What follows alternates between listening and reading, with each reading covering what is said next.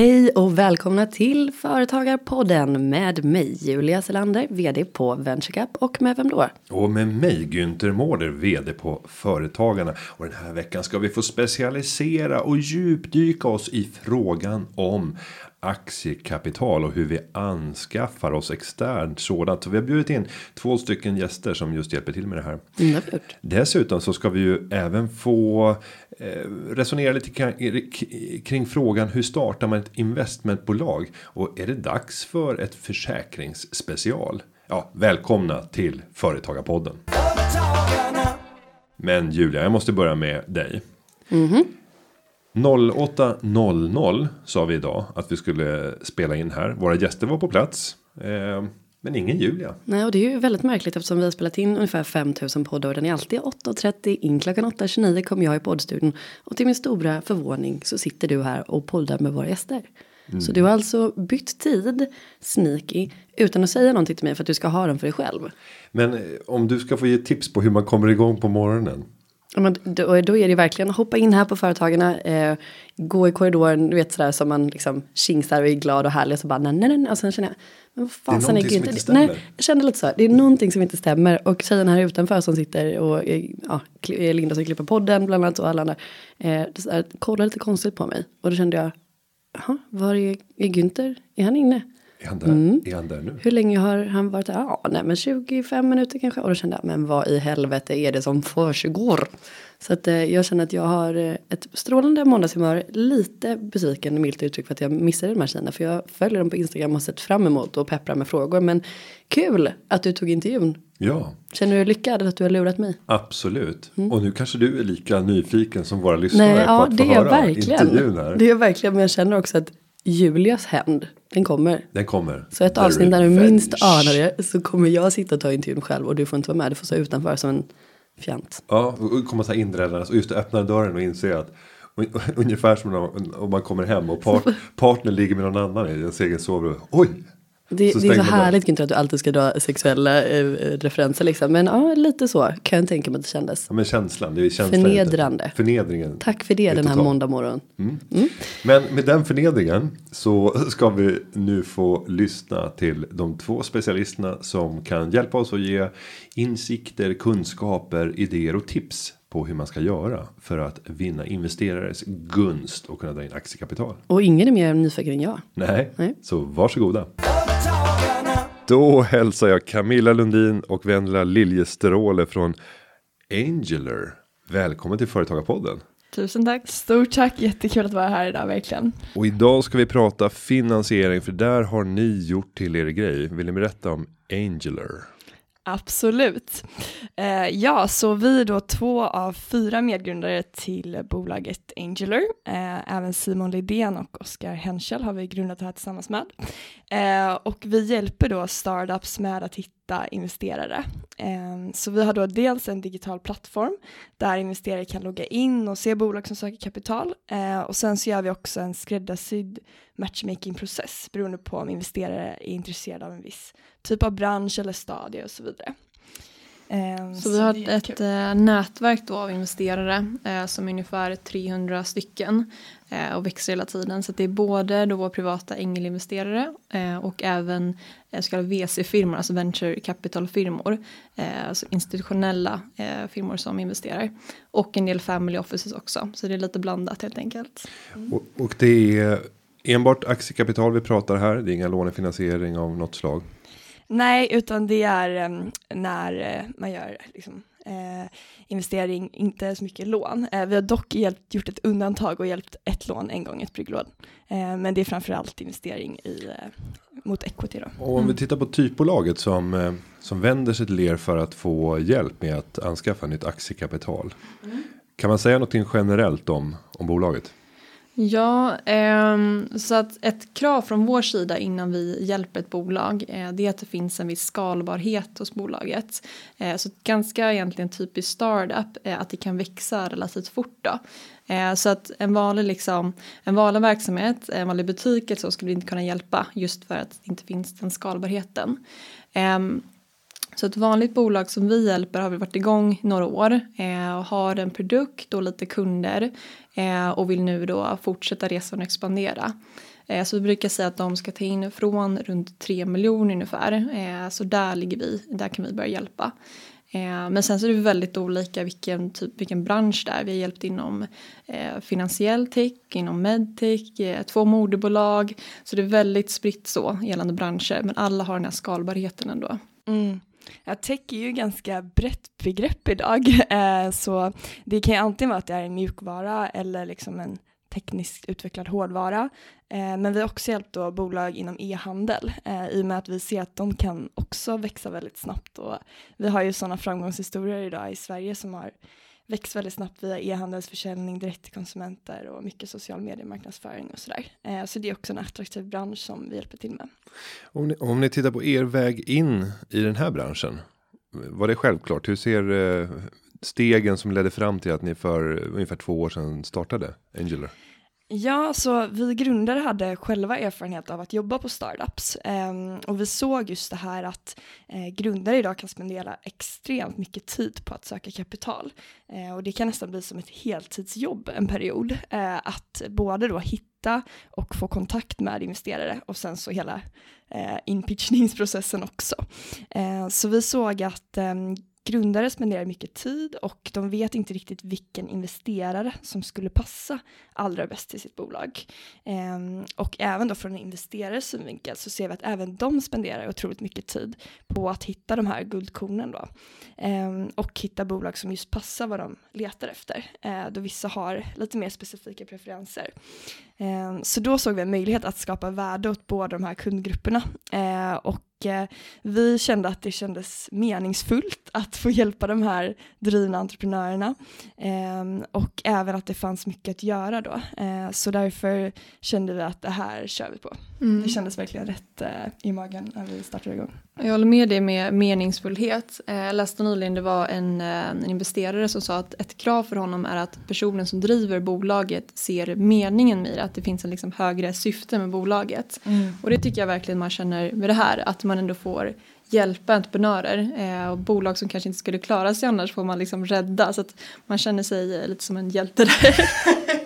så, att, ja. Eh, så det är väldigt kul verkligen att träffa alla entreprenörer och också såklart investerarna. Mm. Alla har en sån fantastisk historia och är så drivna så det är jättekul. Mm. Och bland det roligaste jag tycker i vårt jobb är också efteråt när vi har hjälpt med investeringen och det kan vara att de även har fått någon ytterligare kompetens eller eh, nätverk och så vidare från investeraren. Eh, och det blir en så fin match då från en investerare som kanske själv har drivit bolag och byggt upp allt det här och nu det kommer till så fin nytta för en ny innovation. Eh, och det innebär ju då både investeraren som kanske kan få bättre avkastning på sin investering genom att bolaget växer, men också då entreprenören som får den här hjälpen som, och inte behöver göra exakt samma misstag eller bygga upp exakt samma nätverk som den här personen redan har spenderat tid på. Men en ganska skön känsla att få gå till jobbet och känna sig som hjälte. Det är det. men, men om, om vi tittar på hjälta, hjältarna eller hjältinnarnas utmaningar i branschen. Vad är de tuffa delarna just nu om ni tittar på hur branschen ser ut? Mm. Ja, um, alltså så vår bransch är väl dels då techbranschen och sen så också investerings, eh, alltså fin finansbranschen egentligen som vi verkar inom. Um, en sak jag skulle gärna vilja nämna nu apropå att det var kvinnodagen väldigt nyligen är att uh, det är en ojämställd bransch. Um, dels så är det många färre kvinnor som startar bolag men också som investerar i bolag uh, och där hoppas vi uh, kunna se en förändring inom snar framtid. Ehm. Det var en rapport nyligen apropå det eh, som visar just hur riskkapitalet går till olika team. Eh, och då visar det att team som bara har kvinnliga grundare fick 0,7 procent av kapitalet. Eh, och när det bara har manliga grundare tror jag 88 procent. Eh, och sen om det är mix var det typ 13. Så det är en väldigt ojämställd bransch. Eh, både från startupen och eh, från investerarna. Och där vill vi verkligen bidra till en förändring. Men om vi, om vi ska gräva lite där och fundera över varför ser det ut som det gör? Mm. Hur ser er analys ut när det gäller bakomliggande faktorer som man måste angripa för att lösa problematiken? Ja, eh, jag tror att eh, när det kommer till att det är färre kvinnor både som ängelinvesterare och som partners på riskkapitalbolag, eh, där tror jag det handlar mycket om att tratten börjar från att ehm, att att gå från idé till bolag. Eh, det är där det måste in fler kvinnor. Eh, och sen så är det några få av de bolagen som kommer bli framgångsrika. Och då kommer några kvinnor göra exit. Och därifrån är det de flesta som blir ängelinvesterare som vi har med i vårt nätverk. Eh, så för att fler ska bli ängelinvesterare då måste också fler eh, våga ta steget från att ha en idé till att faktiskt förverkliga den här idén. Um, och, och, för att göra det i sin tur, då tror jag att det krävs att man lyfter fram mycket förebilder. Uh, så nu tycker jag det är väldigt kul att det kommer initiativ som verkligen lyfter fram kvinnliga grundare som har kommit en bit med sitt bolag. Um, så nu finns ju allt ifrån det här Women in Tech till att man listar de, de framgångsrika entreprenörerna och så vidare. Och det gör så att man som kvinna kan identifiera sig med de här förebilderna. Mm. Det tror jag. Och också Lena Apler och några andra startar nu ett nätverk som heter 17 eh, och det visar just att det finns 17 stycken kvinnor som har startat och driver bolag som omsätter över 50 miljoner kronor. Eh, och det är ganska lite om jämfört med många män som gör det. Men, men var inte det en, en myt? Jag hoppas det. Jag hoppas det verkligen, jo, jag för jag, blev så chockad. Jag, jag, jag, tror att det var det som var grunden till att de startade, att de fick ah. höra det här i, i Almedalen. Och ah. Tack att, att du berättade. För jag var också väldigt skeptisk till den siffran. Mm. kul. Ah. Men eh, just det också Camilla säger att fler kvinnor måste starta bolag för att det senare kunna investera. Eh, så har vi nu ett, ett program vi är väldigt stolta över ihop med Vinnova då, Innovationsmyndigheten. Eh, och där kommer vi hjälpa 20 stycken kvinnor nu under våren att förverkliga sin affärsidé. Eh, så då vill vi ge den här lilla kicken som krävs för att då komma igång med sitt bolag. Jag hoppas att nästa Spotify startas där. Ja, um, så vi kommer hjälpa att validera deras idéer så, eh, så de ska ha underlag att se, vill ska man gå vidare med den här idén eller och på vilket sätt i så fall eller inte och sådär. Eh, men sen vårt strå till stacken inom den här frågan är att vi även då startade Instagram-kontot som heter Business and Dreams eh, och det har vi just för att inspirera kvinnor och lyfta fram kvinnor eh, så att man, man får den effekten av att, att våga ta steget efter sett andra som har gjort det redan. Och det är ett väldigt oväntat konto för en aktör som jobbar med att förse startups med aktiekapital. Mm. Ja, okej. Okay. Nej, men det, det, det är intressant. Ja, men du, det finns ju inte många andra som har liknande. Nej, jag håller med dig. För de flesta som driver liksom, eh, corporate finance-firmor som vi är eh, och en investmentbank som vi, vi vill bli i förlängningen. Eh, de är ofta äldre, eh, ofta män eh, och de driver inte ofta ett sånt konto som vi är. Eh, men vi vill just ge den här pushen och inspirationen till kvinnor att både starta bolag och också kunna investera om man har möjlighet redan nu. Men om jag får testa min teori och sen får ni opponera på mig när det gäller varför ser ojämställdheten eh, ut som den gör? Och, jag har jobbat på bank tidigare och då har man kunnat jämföra de perfekta tvillingarna där du kan se en man med en viss inkomst och en kvinna med en viss inkomst som lägger undan lika mycket till sparande varje månad. Och sen ser man vad händer med pengarna som sen investeras. Och då såg vi att det var en väsentlig skillnad i risktagande där kvinnan i mycket hög utsträckning valde fonder framför enskilda aktier och när man valde fonder så valde man i hög utsträckning olika typer av räntefonder eller olika typer av hedgefonder som man upplevde som tryggare alternativ. Och det gjorde ju att kvinnorna fick en jämnare avkastning men väsentligt lägre. Och då kommer jag ihåg, jag var ju talesman då på Nordnet och när jag gick ut och kunde meddela när börsen hade gått ner ett enskilt år då utklassade ju kvinnorna männens portföljer. För de hade ju lägre risk och då hade de inte tagit lika mycket stryk i nedgången. Då blev det stora rubriker och så gav man då kvinnorna i media beröm för att de slog männen eh, på aggregerad nivå. Sen glömde man de där 4-5 åren som följde därefter när börsen steg och männen fullkomligt brädade kvinnorna till följd av att man tog högre risk. Inte för att man på något sätt var smartare, men man tog högre risk. Eh, så att det, att det grundar sig någonstans i en olikhet när det gäller inställningen till risktagande. Mm. Och jag skulle vilja gå tillbaka redan till liksom förskolan. Jag ser på mina barn och skillnaden. Nu har jag två söner och en dotter. Skillnaden i hur man bara tilltalar sonen och, och dottern när det gäller olika typer av aktiviteter. Eh, ta när man klättrar ett äppelträd och, och till sonen säger man åh bra klättra högre, vad duktig du är, vad stark du är. Och, och sen till en flicka så är det oftast var försiktig, var försiktig, ska, ska jag hjälpa dig ner? Var rädd om dig. Och att du redan där fostrar i så här små, små tillfällen. Och då är frågan, kan man, kan man lösa det problem om ni delar analysen som dyker upp senare när det gäller andelen som startar företag, andelen som tar in riskkapital. Eh, kan man lösa det så sent i skedet eller måste man gå in med extremt tidiga åtgärder och fundera över vad sänder vi ut för signaler? Delar ni analysen till att börja med och, och vad Ja, nej men jätteintressant analys verkligen. Eh, och jag tror eh, eh, vissa saker som stödjer din analys är att det här inte bara gäller i onoterade startups utan även som nu, alltså på börsen då, att eh, även där tror jag att alltså kvinnligt, ett ökat kvinnligt ägande handlar ju både om att investera som ängelinvesterare men också på börsen och, eh, och att starta bolag. Och det är ju förknippat med risk, både att investera och att starta. Eh, så jag tror verkligen att, eh, att just lyfta fram att risker också gör det att man kan få en högre avkastning på det man gör.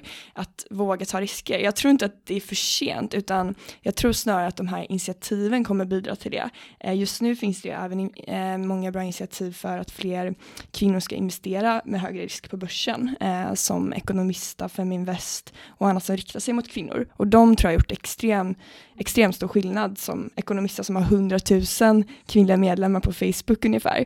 Så det, det talar ju lite om vilket intresse som finns men kanske eh, brist på information och att kunna dela kunskapen med vänner och nätverk och så vidare. Eh, så jag tror att det gäller bara att få bollen i rullning. Eh, mm. verkligen. Mm, jag håller med, jätteintressant analys verkligen. Och som du säger att, att starta ett bolag, driva ett bolag, det är ju risk. Man frånsäger sig en stabil inkomst och eh, jobbar hårt nu ett, två eller flera år för att förhoppningsvis få avkastning senare. Så det är en, det är en stor risk. Eh, och eh, vad vi kan se i statistiken är att eh, kvinnor oftare driver bolag själva eh, och också oftare enskild firma istället för aktiebolag. Eh, och en anledning varför de får mindre kapital är för att de eh, finns en teori om att de inte vågar liksom drömma lika stort. Att killar säger ja ah, men vi ska ta över fem marknader inom två år medan kvinnor säger ja ah, men vi ska vara i Sverige för det är tryggare, det är säkrare. Eh, och en investerare vill gärna se de här stora visionerna. Och det kan vara en anledning då att man får mindre kapital då. Eh, och vi var ju på ett, eh, det var så bra liknelse, Camilla drog nyligen, vi var på det här Pokerface, ett kvinnligt nätverk där man spelar poker helt enkelt under en kväll. Eh, och Camilla, det var första gången för henne, hon eh, kom nia där av typ 200 tjejer. Eh, och då kom vi på efterhand att i poker, det är så att för att kunna vinna så måste man också eh, riskera lite, man måste liksom eh, vara med i spelet helt enkelt. Om man bara spelar safe då kommer man ju åka ut till slut. Mm. så att för att kunna vinna måste man riskera. Så det är, ja. ja, exakt, och det tror jag även gäller i livet. Så att för att vara med i det här liksom, spelet om att vinna stort, då måste du liksom ha en insats i det. Mm, om man kollar på många lyckade entreprenörer då har de ofta misslyckats flera gånger tidigare. Det är väldigt få som kör första gången och liksom startat miljardbolag utan de har ofta försökt och misslyckats. Så det är liksom del av resan tror jag. Men om vi nu skulle gå in på lite tips och tricks eh, som ni kan dela med er av till unga entreprenörer som idag står inför en möjlig resa, kanske behöver resa aktiekapital. Vad är det man ska tänka på för att eh, lyckas? Ni har sett både de som har failat och de som har blivit succéer. Mm. Um, alltså det allra första som investerare kollar på när de bedömer ett bolag, det är teamet. Uh, så det första jag skulle säga är att försöka sälja in din vision till kompetenta människor som vill vara med på din resa. Um, för att för att starta företag, man behöver egentligen inte kunna någonting själv i princip, utan man behöver kunna ha en vision som man tror på, som andra också vill haka, haka med. Eh, för att eh, i det här stadiet då kan man inte bedöma så mycket på vilka tidiga siffror som finns och all data som man kan göra med större bolag. Utan det de kollar på är mycket vad finns det för kompetenser inom teamet? Eh, hur kompletterar de här varandra? Eh, har de någon tidigare erfarenhet av att driva något projekt eller inom branschen bolaget är inom? Eh, och har man ett kompetent team som man är väldigt nöjd med, verkligen lyft fram det mot investeraren och förklara eh, varför just ni kommer genomföra den här idén bäst. Eh, det skulle jag säga är det första tipset och väldigt konkret i pitchdeck och så, verkligen skriv ut vem varje person är och vad de har haft tidigare erfarenheter. Så det är inte bara en gruppbild om man inte riktigt vet liksom, allas bakgrund. Mm. Och eh, skulle också vilja ge tipset att, eh, att våga sätta igång på en gång. Eh, för det många gör är att de börjar liksom eh, jobba på sin produkt, eh, håller på med den ett halvår, år, två år utan att ens visa det för potentiella kunder. Eh, och sen när de väl gör det så visar det inte alls finns ett behov för produkten. Eh, så att jag skulle säga att från dag ett börja höra av dig till eh, ja, kunder och personer i allmänhet och var inte liksom, det är många som är ganska protective, alltså skyddande mot sin idé och vill liksom skriva NDA, så här, eh, avtal med personer om att de inte får avslöja den. Så det, jag skulle säga tvärtom, utan gå till så många som möjligt, berätta om din idé och försöka få så mycket feedback hela tiden. Eh, för de bästa startupen, de, kör, de liksom ändrar sin idé hela tiden. Eh, varje dag tar de in feedback, ändrar hela tiden. Så det är jätteviktigt tror jag. Och om vi då tittar på hur man ska presentera sitt bolag så kan man ju antingen fokusera på att eh, presentera den fantastiska potentialen som finns. Eller så presenterar man hur man hanterar de värsta riskerna och sitter man med en bank så finns det i min erfarenhet en eh, förkärlek hos entreprenörerna prata om potentialen och banken är helt ointresserad av potentialen. De vill bara veta att du kan betala med räntorna, att du kan återbetala lånet. Så det ska vara en ganska tråkig presentation där man bara tittar på hur säkerställer vi att vi alltid kommer att kunna betala våra räntor, att vi kommer att säkerställa att inom tre år betala tillbaka hela lånet. När man söker aktiekapital så letar man ju potentialen. Är er uppfattning att man ska ha liksom två olika presentationer av bolaget eh, för att kunna prata med två olika språk beroende på vem man möter? Eller? Mm, jätteintressant fråga verkligen. Eh, för att det som avgör ofta en värdering, värdering är någonting, ett ämne för sig. Det är jättesvårt att sätta värdering i så här tidiga stadier. Eh, och det man gör är att man utgår från andra bolag och liksom bolag som måste se så mycket, eh, hur mycket, vilken värdering de har och lite andra faktorer. Eh, och när det är ett bolag som presenterar fantastiska framtidssiffror, då kan ju de eh, kräva en högre värdering också. Men så kan den vara liksom helt tagen i luften i princip. Eh, så det är väldigt intressant och investerarna de vill ju se potential, men de vill också se att det är realistiskt. Mm. Jag pratade med en investerare nyligen som sa att han brukar köra fem olika scenarier för bolaget. Han kollar på ett där de går i konkurs, ett där de går liksom rätt dåligt och sen så vidare upp till liksom bästa möjliga. Och så kör han något genomsnitt där så att han räknar om helt enkelt. Men de flesta bolag presenterar egentligen i sitt pitch deck då är bara en siffra. Eh, men det är väldigt bra att ha med en känslighetsanalys där man kollar på olika faktorer om man säljer mer eller höjer priset och så vidare. Mm. Eh, men det är klurigt. Ja, nej, men jag skulle säga att det skiljer sig väldigt mycket att, eh, att gå till en bank mot att pitcha mot en, affärs, en privat investerare, affärsängel.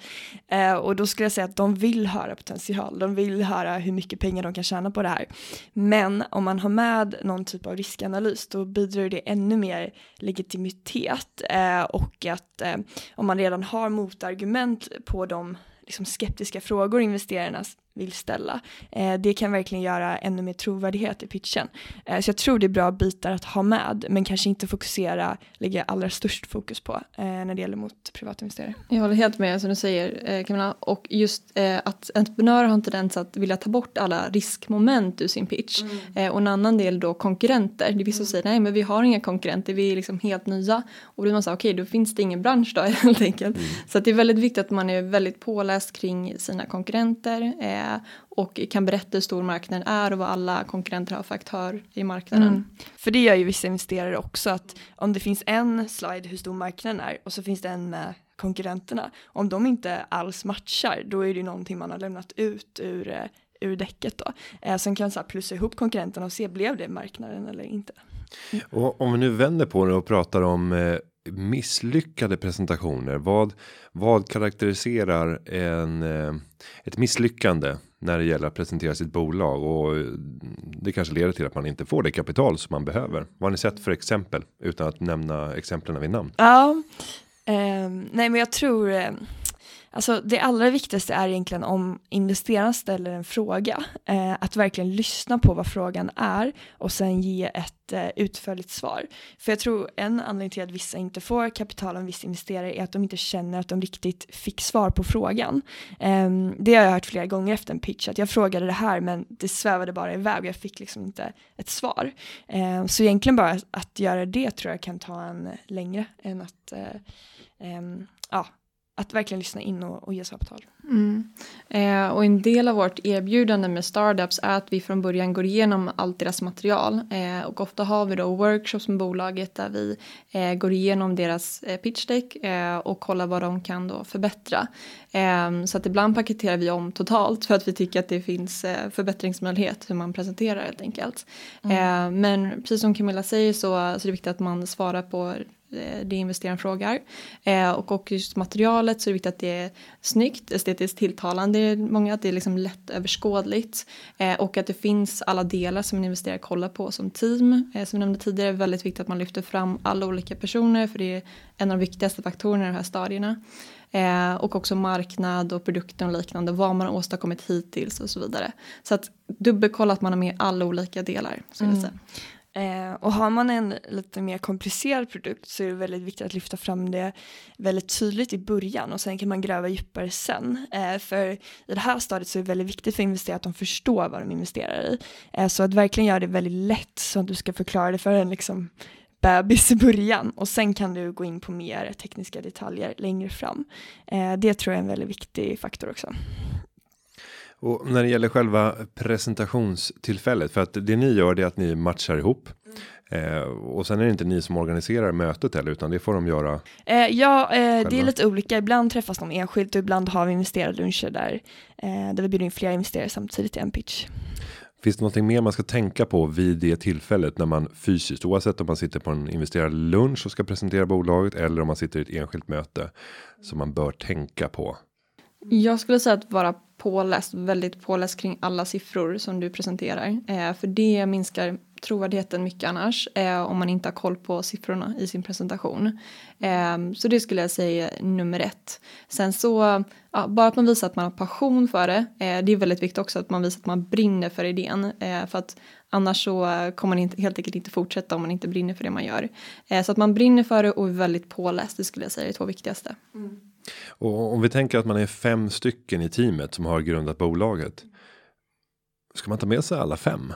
Och visa upp det här är teamet. Man sitter mot en ensam investerare kanske på en på en lunch.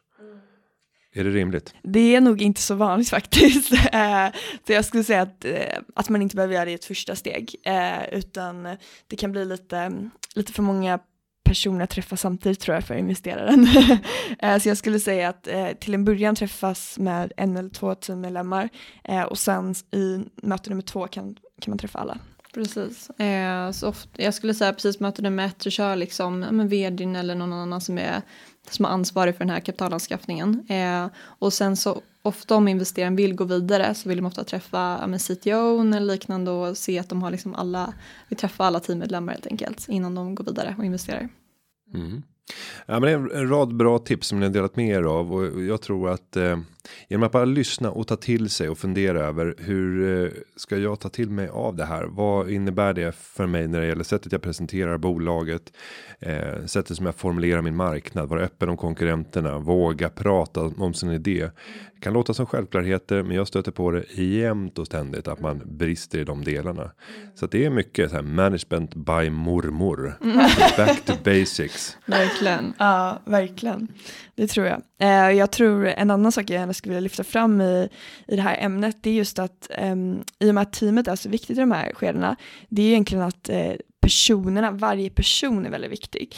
Eh, och därför skulle jag säga också att satsa mycket på Ehm, alltså självutveckling egentligen. Eh, hur du sätter mål, vad som motiverar dig, eh, hur, vad du har för mindset. Eh, den typen av ämnen tror jag är väldigt viktigt att tänka på, för jag tror att det skapar också en stor skillnad, eh, vad man har för inställning, eh, hela teamet egentligen. Fokusera på lösningar och eh, eh sätt tydliga och mätbara mål eh, och så vidare. Så det är också en viktig komponent i det. Håller helt med och det är någonting vi lyfter fram ofta på vår Instagram också. Hur viktigt det är att vara mentalt fit och inte bara fysiskt. Mm. Eh, och vi vet investerare som till och med går in med psykologer och kollar på teamet och ser att de mår bra och att de är kapabla att köra det här några år. Att de är mm. stabila liksom. Så att det är väldigt viktigt att träna på det mentala. Mm. Ja, och sen tänkte jag slå ett slag för för min favorit och det är ju att visa upp hur ekonomiskt sinnad man är både som privatperson och företagare. För jag har varit med om om pitcher där jag har varit inför en investerarsituation där jag backar tillbaka när jag märker att det här är personer som har en privatekonomi som kräver att ni tar ut en lön som är ganska betydande och så är de ute och söker kapital för att jag ska betala deras löner eh, så att de kan få en trygghet i deras vardag då ser jag hellre att eh, företagarna på andra sidan säger att ja, men vi står beredda att käka havregrynsgröt varenda dag. Bara vi slipper sälja så mycket av bolaget för vi vill behålla potentialen. För det är ju den balansen. Du kan ju ge bort mer aktiekapital och ta in mer pengar, få en tryggare vardag eller leva betydligt snålare, ta ut en lägre lön, men inte sälja ut lika mycket av bolaget. Och det sista är alltid att att föredra så att visa verkligen och kanske prata om ekonomiska förutsättningar så att man vet hur teamet vad, vad, man har för för möjligheter framåt. Kan man köra ett och ett halvt år med de lönerna som man har tagit ut som är begränsade och, och rätt låga och kunna komma framåt? Ja, nej men jag håller helt med om det och om du som investerare liksom ska satsa dina pengar, då vill man ju också att se att grundarna satsar någonting och i det här fallet är det väl då eh, tid eh, och då vill man ju som du säger att de ska verkligen ta väl hand om de här pengarna som satsas.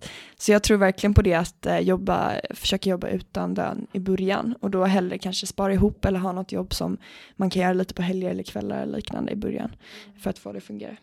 Jag tror att det är därför det eh, ibland kan vara fördel eh, när man kommer precis ut från universitet eller liknande från skola är att starta bolag. För då är man van vid så låg lön, det är liksom CSN som man utgår ifrån eh, och då är det lättare att ta det steget att köra utan lön eller väldigt låg lön. Till skillnad från att ha liksom ett välbetalt jobb och så, då är det lite, det är en annan utmaning helt enkelt.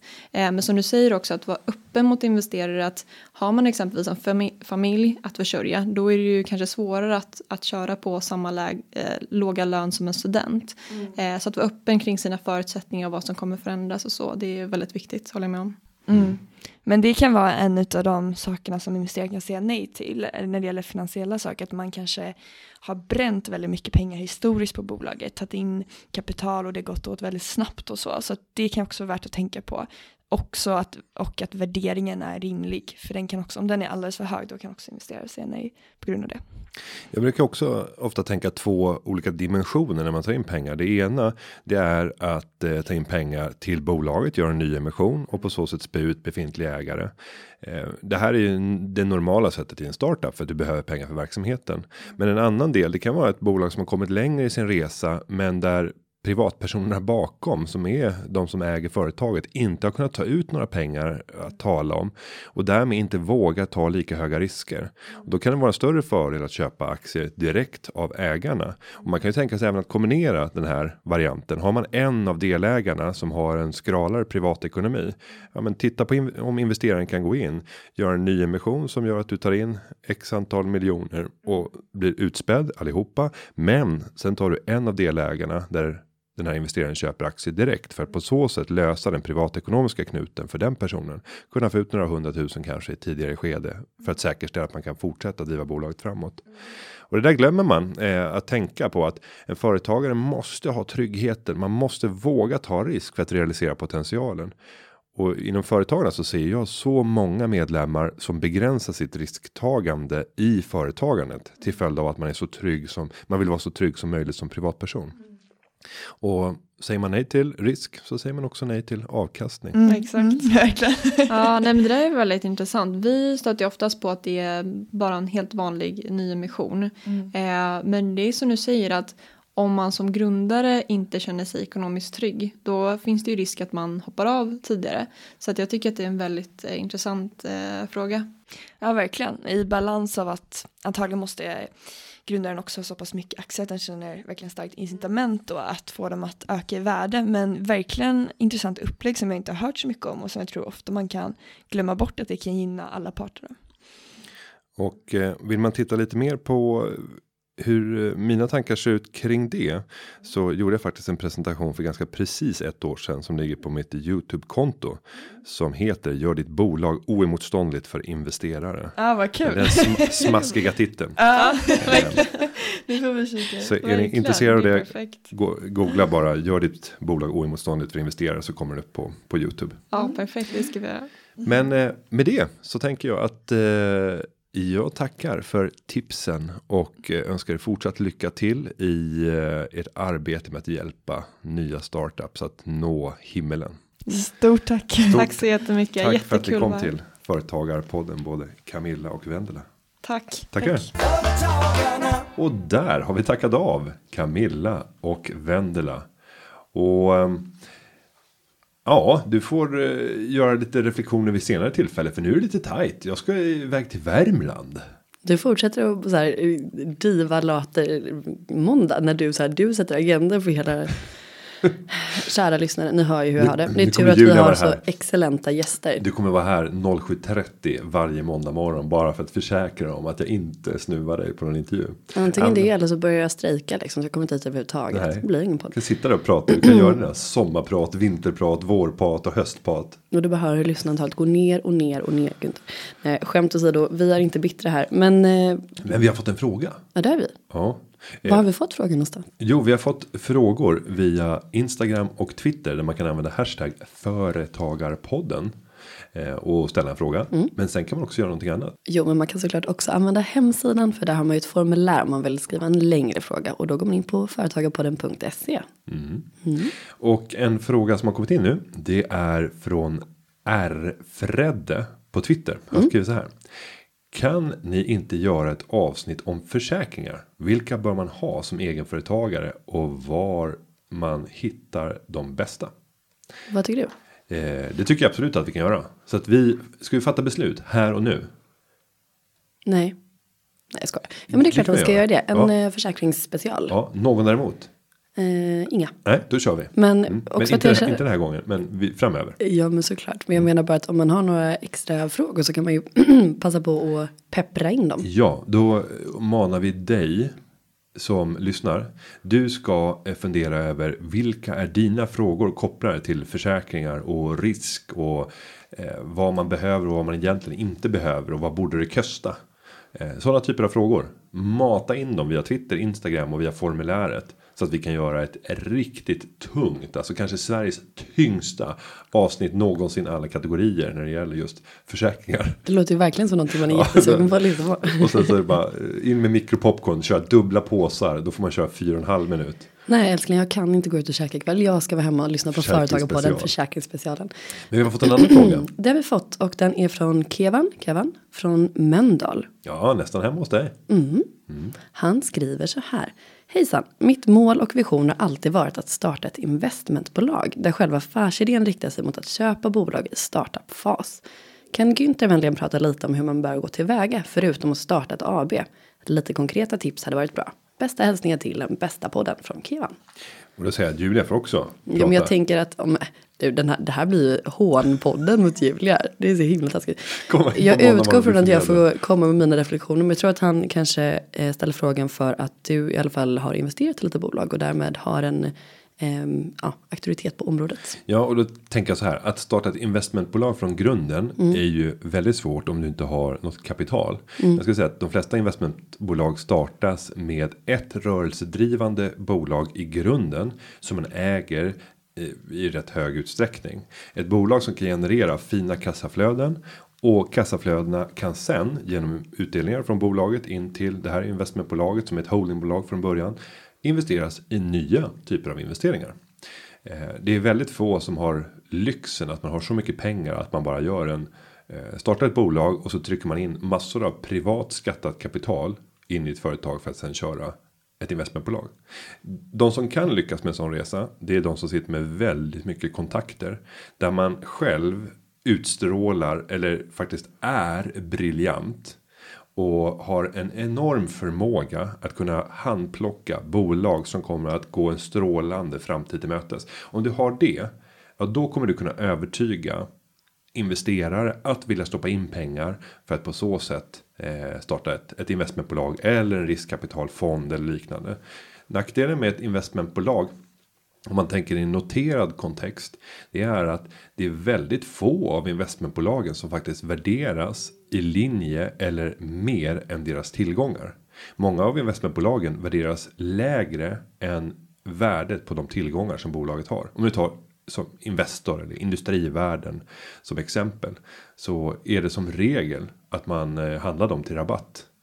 Och det innebär att om de skulle sälja av alla aktierna som de äger och sen dela ut pengarna till ägarna. Så skulle man få mer pengar utdelat än vad aktien kostar.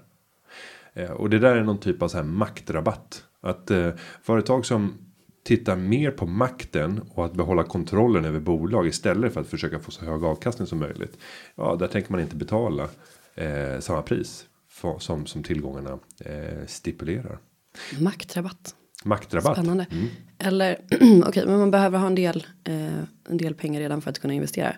Eller så kan man göra som Donald Trump. Man kan få small loan om one million dollars från sin far. Man har alltså börjat med två tomma händer i princip Mm. enligt honom. Ja, men spännande. Men hur, om vi tar, vi har pratat lite grann om dina investeringar tidigare. Hur, hur kom det sig att du började? Jag hade ju aldrig kunnat göra det i ett tidigt skede och jag vet inte varför, men jag tror att Kevin, om jag uttalar det rätt, eh, är yngre än vad jag är. Jag tror inte att han är 36 år snart och har Eh, haft jobb som gör att han har kunnat lägga undan massa kapital. Nu, nu gör jag massor med antaganden och bara generaliserar och sitter och killgissar.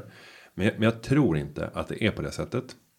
Eh, och då är en annan möjlighet att fokusera på att göra en antingen en framgångsrik karriär där du kan få en rätt hygglig lön och lev ett extremt sparsamt liv för att på så sätt kunna bygga upp en bas av ett antal miljoner som är redo att investeras i det här första bolaget som kan generera kassaflödena och sen börja bygga det här imperiet som du vill göra via ett investmentbolag.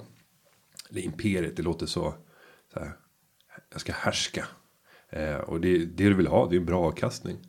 Men, men då skulle jag säga att i de flesta lägen så är aktiemarknaden lättare. Alltså att bara tänka att men har jag skrapat ihop de där pengarna, skattat dem, det är färdiga pengar på mitt konto. Så kan jag se större fördelar med att bara köra en kapitalförsäkring eller investeringssparkonto. Och så bygga en långsiktig aktieportfölj. Och där man kanske väljer att koncentrera sin innehav kring några färre bolag, säg en handfull bolag, men när man går in tyngre och där man står beredd att vara mer långsiktig och kanske till och med engagera sig i bolaget för man väljer så pass små bolag att det gör skillnad. Om du skulle investera en miljon så kommer du att äga någon procent av det här bolaget. För det kanske är bolag med ett börsvärde under 100 miljoner. Det finns många sådana. Ehm, så att ehm, han ska fundera på vad är bevekelsegrunden till att just ha ett investmentbolag. Ehm, och jag har ju liksom närt, det kan jag ju säga, jag när ju fortfarande en liten dröm om att kunna bygga vidare och ha ytterligare en tre, fyra investeringar. Sen kunna ha en, en anställd person som vd som kan sköta det praktiska arbetet. Jag kan jobba med att träffa nya bolag, anskaffa lite nytt kapital till bolaget. Eh, det ska vara ett rolig tillvaro och sen så få vara den här coachen som kan hjälpa företagen att nå en potential som de själva alla aldrig hade klarat ensamma. Så att man väljer ut bolag där jag säger att här kommer mina kunskaper att komplettera era. Så att det är egentligen det stora värdet utöver de pengar man går in med och investerar. Och jag vid investeringstillfällen så köper jag hellre aktier av ägarna än att göra nyemissioner oftast. Eh, Varför då? Jo, om det är yngre personer. Jag var inne på det i intervjun här eh, tidigare. Att, att man vill minska rädslan hos entreprenörerna bakom bolaget. Om de kan få ut en miljon eller två på kontot. Då kommer de känna sig säkrare privat. Då vågar de ta högre risker i sitt yrkesmässiga jag. Och det är den risken som jag vill åt. För att då får vi en ökad förväntad avkastning på, på bolaget. Det är ett sneaky men smart tips. Men jag tänker också så här att om man eh, utgå från frågan här så är det ju mitt mål och vision har alltid varit att starta ett investmentbolag bla bla bla. Eh, köpa bolag i startupfas. Jo men finns det något annat sätt då om det kan ske så att man känner att det här det här kommer nog bli lite mycket om jag står här med noll kronor och jag ska försöka skapa en ja att jag ska försöka rassla ihop några miljoner här innan jag kan komma igång att vägen dit känns lång. Då tänker jag att om man har fingertoppskänsla eller känner att man är duktig på att så här, veta vilka bolag som kommer att funka. Då finns det ju andra möjligheter. Då kan man ju faktiskt kanske ta anställning på eh, en investerarfond eller någonting tänker jag. Mm, ja men det är en rätt bra bakgrund för att få alla kunskaper. Exakt. Förstå systemen, rutiner, vad det är som behövs. Lyssna på 5000 pitchar. Absolut, det är en bra, bra skola. Sen så ska jag korrigera mitt svar lite grann. För att det han nämner det är ju faktiskt i startup-fas. Som vill göra riktigt tidiga investeringar. Och, och, och därmed så. Ja, det behövs ju oftast mindre kapital. Jag skulle kanske då fokusera på att vara i väldigt tidiga skeden. Alltså redan när de sitter med första presentationen. För många underskattar värdet av sig själv. Om du är tre personer som står beredda att lägga ett år av ert liv utan att ta ut någon lön. Eh, bara det skulle jag säga är utan problem ett värde på en 4-5 miljoner. Om det bara är en vettig idé. Det behöver inte vara något märkvärdigt. Men bara er arbetsinsats borde vara värd ungefär det. Och kommer du och säger istället att äh, du värderar till 2,5 miljon. För du tycker att det ska vara lite billigare. Säg att ja, men jag vill ha 10% för 250 000. De flesta skulle ta det rakt av. Om du då säger att de här pengarna ska användas till att bygga bolaget. Inte plocka ut lön. Utan att de jobbar gratis ett år. Då är det en fantastisk investering. Men jag menar, hur många skulle inte tycka att det var jäkligt coolt. Att ha suttit en lång helg. Bestämt sig för att nu lägger vi ett år på det här. Och det första som händer på måndag morgon. Är att man får in 250 000 på kontot. Och det enda man har gett är en tiondel av bolaget. Det är fantastiskt och det ökar ju också som du säger risktagandet för då känner att man har lite luft i seglen. Men eh, det här är ju precis det skedet som eh, Venture Cup befinner sig i så att jag tänker också att ett tips här till Kevin är att eh, vara med och joina Venture Cups jury Mm. eller vänd dig till oss så kan vi se om du kan vara med. Ja, det är bra tips. Den här veckan kan man få träffa dig någonstans eller? Vad menar du? Ja, men kommer du bege dig ut? Jag, jag försöker så här, legitimera att jag ska få prata om. Ja men jag tycker att det känns jätteobehagligt för att idag har du liksom snuvat mig på hela min så här pepp. Att, så här, att du, du säger en annan tid som är tidigare så att jag kommer för sent. Så att nu när du frågar ska du vara någonstans i veckan då tänker jag vad fuck vad är det nu du har missat. Eller så. men eh, jag ska befinna mig väldigt mycket på eh, massor med olika kundmöten. Jag kommer vara i Stockholm förutom imorgon jag ska tillbringa hela dagen på Tillväxtverket. Åh, så där. Mm. Så är det. Och om man vill träffa mig så eh, ja, när podden släpps då har jag redan varit i Karlstad och i Sunne som jag kör måndag tisdag. Sen på onsdag då beger jag mig ner till Växjö för då är det dags för valturné. Mm. Och sen på eh, fredag då kan man då kan vi ses i Katrineholm, Flen, Vinnå, eh, Vingåker. Då är det dags för näringslivsdagen och även senare på i Kungsör och i Köping Mm. Valturnén fortsätter helt enkelt. i, i en enorm takt. Och sen nästa vecka då blir det Göteborg och Uddevalla och eh, Lidköping. Hela min släkt är från Lidköping nu vet du. Nej, Jo. så att det här nästa vecka blir verkligen din i, i Julias fotspår ska jag kalla Jag skulle vecka. vilja säga att om du frågar vem som helst i Lidköping om släkten Selander så har alla en rövarhistoria. Så det kan du göra. Det är roligt. Mm, det är kul. Det ska jag göra. Men med det så ska vi eh, avsluta veckans avsnitt genom att säga att den här podden den har ju förberetts av Karin Nygård och klippningen den är gjord av Gustav Dalesjö. Vi hörs igen nästa vecka. Det gör vi. Hej, hej, hej, Hej, hej, ha det så bra. Woho! Företagarna.